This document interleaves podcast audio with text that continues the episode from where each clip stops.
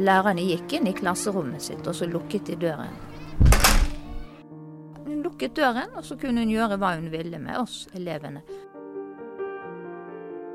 Du hører på Hun lukket døren. En podkast i syv episoder om ting som skjedde bak en lukket dør i et klasserom. Jeg heter Anne Synnevåg, og jeg gikk i den klassen. Podkasten er laget med støtte fra bladet Utdanningsnytt. Dette er del seks. Livet smiler til Olaf. Jeg følte jo alltid det at uansett hva jeg prøvde på, sånn, så skulle hun på en eller annen måte drite meg ut. Ingenting ble bra nok. Han du hører her er Olaf. Vi gikk i samme klasse og hadde samme klasseforstander i syv år. Du kan jo si sånn som så, så, dette her nå sto på tavler, og, og det skulle løse et regnestykke. sant? Det var ikke fordi at jeg ikke nødvendigvis kunne det, men jeg var livredd for å gjøre en feil. Jeg var så redd for å gjøre feil at jeg tørde ikke å svare på spørsmål som jeg visste veldig godt. Fordi at sa jeg én feil inni dette, eller noe som var ikke helt, helt korrekt, da tok hun tak i de feilene. Og så, og så nøt hun å gjøre meg til latter. Sånn. Frøken, som vi kalte henne, truet også Olav flere ganger, så hele klassen hørte det, med å sende han til Ulfsnesøy. Ulfsnesøy var en skole for gutter med tilpasningsvansker. Olaf turde ikke fortelle det hjemme, sier han. Eller til noen andre. Han tror frøken gjorde det for å skremme han. Men det var totalt unødvendig. Jeg var mer enn nok skremt fra før, sier Olav. Odd Børresen sang Rett, rett ned i senga. Det er en sang som het 'Mørkredd' fra 1981. Rett med all mulig grunn. Redd. Redd ned i sengen. Rom er tungt av navnløse skygger. Redd for alle mulige ting. Og det var du òg. Ja, det, det har jeg alltid vært. Redd, redd, redd, redd ned i senga.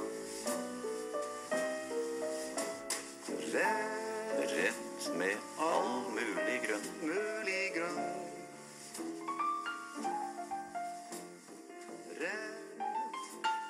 Var du redd også før du, før du begynte på barneskolen? Var du en redd type? Nei, det tror jeg ikke. Det er det som er litt av poenget her. Så, i august 1965, skulle Olaf begynne på ungdomsskolen. Jeg var jo kanonredd, men eh, så, så kommer jeg inn i, i klassen, og der Står den nye læreren. Jeg husker veldig godt da han presenterte seg. Han skrev navnet sitt. Han var trønder, sånt Og så, og så skrev han at Halvor Ekle.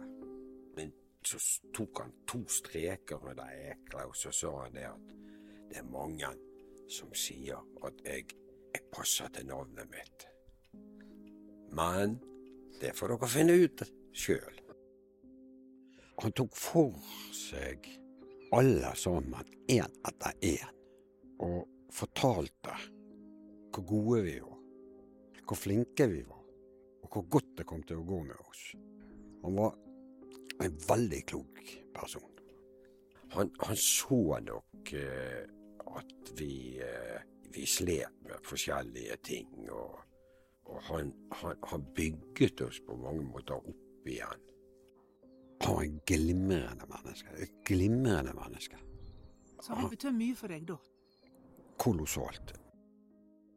Og jeg eh, fikk eh, mange kamerater som eh, var med og bygget meg opp igjen. Fantastisk. Bare gode kamerater.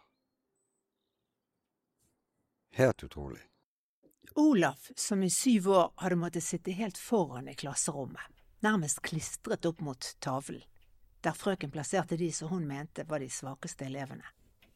Han opplevde at alt ble annerledes når han kom på ungdomsskolen. vindusrekken i, i, i klasserommet, det var liksom den gode rekken, sant. Det var der de flinke satt. Og ganske kvikt så jo jeg på vindusrekken. Og den mest sjenerte gutten i klassen på barneskolen, han syntes plutselig det er gøy å spille skoleteater. Og det var jo sånn som jeg bare Jeg var så redd for det på Hell. Du snakker meg om sant? Altså På folkeskolen så, så var det bare de aller minste rollene. Jeg hadde sjelden noen replikker. På barneskolen var jeg jo egentlig dritredd for å, å opptre og Ja, i det hele tatt Jeg skulle ikke synes. Sånn, jeg ville ikke at noen skulle se meg. Sånn, annerledes på ungdomsskolen. Ja. Det ble så totalt annerledes. Og så fikk du roller i sånne skuespill. Ja, Hovedroller, eller? ja, det kunne godt være. Ikke nødvendigvis, for det var mange flinke. Hvordan hadde det gått, tror du, hvis du ikke hadde fått en sånn lærer? Det Det vet jeg ikke. Det har jo egentlig ikke gått så veldig godt hele tiden for meg. Men du verden for en ungdomstid jeg hadde. Olaf og jeg kom i hver vår klasse på ungdomsskolen. I min klasse var de fleste faktisk fra samme klasse som på folkeskolen, og vi fikk en ung, helt fersk og nyutdannet lærer til klasseforstander. Og jeg var veldig spent, for dere var første kullet mitt. Og det ble 8A. Og A, det var liksom kremen. For vi hadde gode karakterer, vi som kom i denne A-klassen. De fleste av oss kom altså fra B-klassen på Hell, der vi hadde pugget salmevers, gangetabeller og alt mulig annet i syv år. I dag er Eli Karin Kårstad, hun som fikk oss i fanget i august 1965, rammet av alvorlig sykdom. Det hører jeg også med en gang på stemmen, som er blitt mye svakere. Hun har invitert meg hjem til seg. Hun bor i et hvitmalt trehus i Sandviken, og vi sitter i stuen hennes og blar i et fotoalbum som hun har laget, med klassebilder av alle elevene hun har hatt opp gjennom årene. Og vi var de aller første. Se håret til Toril der, det er kjempeviktig. Du, altså, jeg må jo si det, hun var jo en helt sånn der Wenche Myhre Hun kom rett fra lærerskolen da hun fikk oss i åttende. Og gjett om hun husker oss. Dere var veldig strenge i blikket. Dere kunne ikke slå dere løs på noen måte. Dere var livredd. Det var jo veldig kjedelig. Det var veldig kjedelig. Og jeg prøvde så godt jeg kunne å smile og komme igjen og sånn og sånn, men jeg måtte jo høre dere i leksen.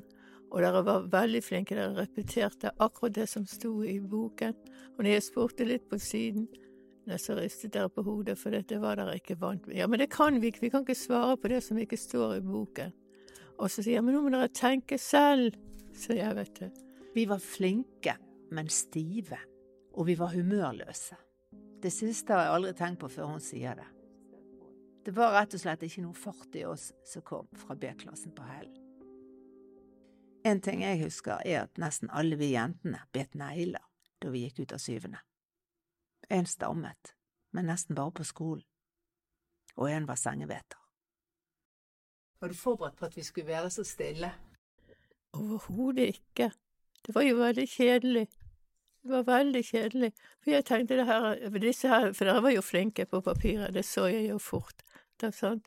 Så det at jeg trodde dere skulle bli litt mer, hva skal jeg si, litt mer å jobbe med, med gruppearbeid og alt det der, men dere, dere, var ikke vant med Dere kunne ikke slå dere løs på noen måte. Dere var livredd. Så det, det tok meg veldig lang tid, og jeg tror første året jeg strevde som en gal, altså, for å få dere myket opp. Men dere myknet opp, jeg var så glad jeg hadde dere gym. Og det var jo veldig gøy, for da fikk jeg sett trakke dere litt på beina og litt sånn, vet du. sånn. Du var ikke så mye eldre enn oss, vet du. jeg var ikke det. Det var ni år imellom. Ja. Men du blir jo glad i oss, du. Ja da. Trøste meg, det var det viktigste, det. Det var det aller viktigste. I mai 2019 døde Eli Karin Kårstad, et halvt år etter vårt møte. Olaf gikk ut av tiende som et nytt menneske. Gutten som tre år tidligere gikk ut av syvende, totalt psykisk nedbrutt, som han selv sier, hadde fått en etterlengtet selvtillit. Og ungdomstiden ja, den ble jo helt eh, bingo, altså, for eh, vi hadde det jo grådig mye gøy. Sant? Eh, vi hadde jo båter alltid nede i Biskopshavn. Altså, vi hadde alltid båt. Og vi drev veldig mye med sånn eh, jolleseiling. Og seinere så, så fikk jeg jo en båt, en rask en, med vannski og alt sånt. Jeg, jeg har stått på vannski helt ifra Biskopshaven til Flatøy. Det er langt. Det er langt. Da ble du ganske gående i ankler og sånt, altså. Og på Flatøy, der bodde Grete. Hun som skulle bli kvinnen i Olaf sitt liv.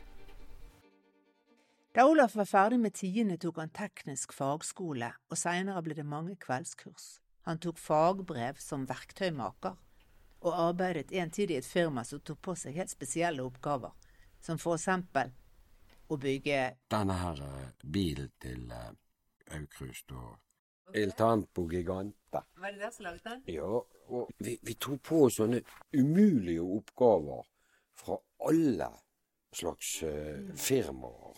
Olaf markerte seg som en dyktig tekniker på flere områder. Og en dag så ringte telefonen. Jeg fikk en telefon fra firma Frank Moen AS. En invitasjon til å begynne å jobbe på Framo Flatøy. Frank Moen er i dag verdens største fabrikk for pumper til skip og oljeindustrien. En torsdag midt i juni måned, sant, i 73, så reiste jeg eh, ut til Flatøy. Der satt en 29 år gammel avdelingsdirektør Trond Moen. Som er sønnen til Frank Moen, og som senere skulle overta som administrerende direktør for hele firmaet. Trond Moen er også filantropen som har gitt fem milliarder i pengegaver til utdanning, forskning og idrett. Husker at Trond stirret voldsomt på meg i øynene da han spurte meg ut. Det var nesten pinlig. Sånn. Så tenkte jeg, han stirrer sånn på meg. Jeg skal ikke slippe øynene hans. Jeg ser på nesen.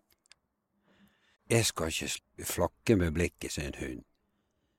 Jeg satt der med Trond, og, og vi, vi pratet, og vi lo, og hadde det skikkelig morsomt. Og jobben her fikk jeg jo på flekken.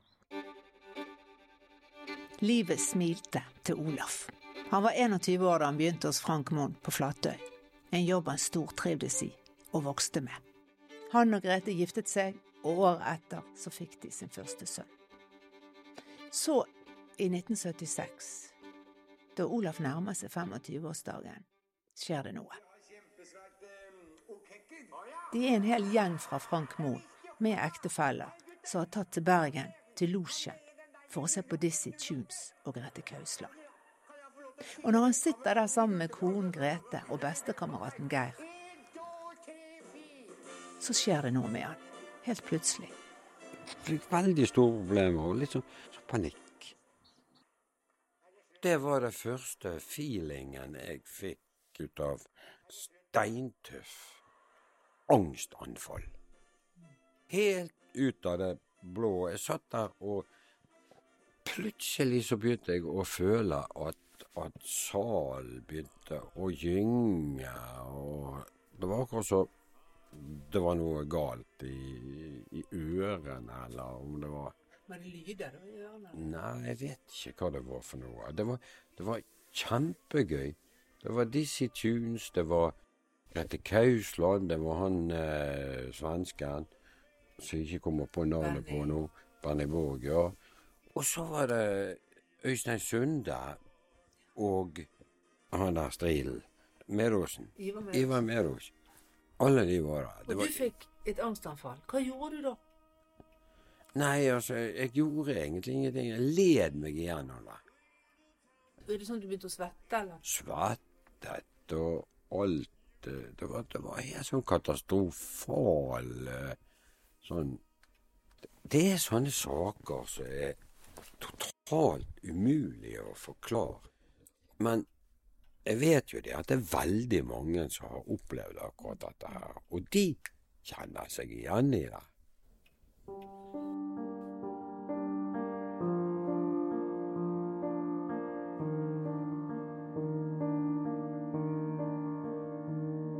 Du har hørt sjette episode av Hun lukket døren. Podkasten er laget av meg, Anne Synnevåg. Øystein Vesaas har bistått med lyddesignet, og Kasper Synnevåg med gode innspill. Og vi har fått støtte fra Utdanningsnytt, som er bladet til Utdanningsforbundet.